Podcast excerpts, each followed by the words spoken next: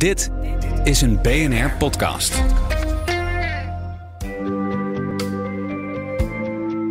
Wetenschap in het kort met Carlijn Meinders. Uit eerdere studies bleek al dat alleen sporten in het weekend even gezond is voor je hart als het verdelen over de week. Volgens nieuw onderzoek geldt hetzelfde voor afvallen.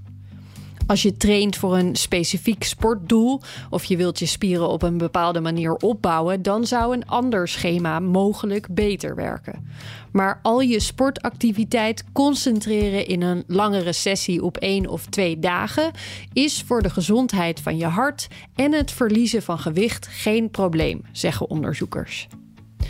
In dit nieuwe onderzoek is gekeken naar 9600 mensen tussen de 20 en 59 die in drie groepen waren verdeeld: niet actief, weekendsporter of regelmatige sporter. Van deze mensen hadden ze ook meetgegevens over hun lichaamssamenstelling. De onderzoekers vonden een link tussen de twee actieve groepen en het hebben van minder vet ten opzichte van de niet-actieve groep. Of de sporters hun training nou concentreerden op één dag of het verdeelden over kortere sessies gedurende de week. Mits je in totaal maar in de buurt van de aanbevolen hoeveelheid beweging komt. Goed nieuws voor de weekend warriors onder ons dus.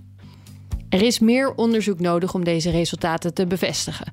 Maar de les die we volgens deze wetenschappers alvast kunnen onderstrepen is: iets is altijd beter dan niets. Of je nou sport voor je hart of om overtollige kilo's te verliezen.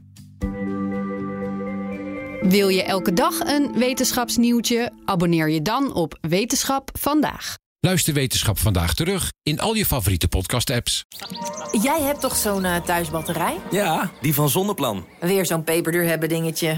Nee, kom eens.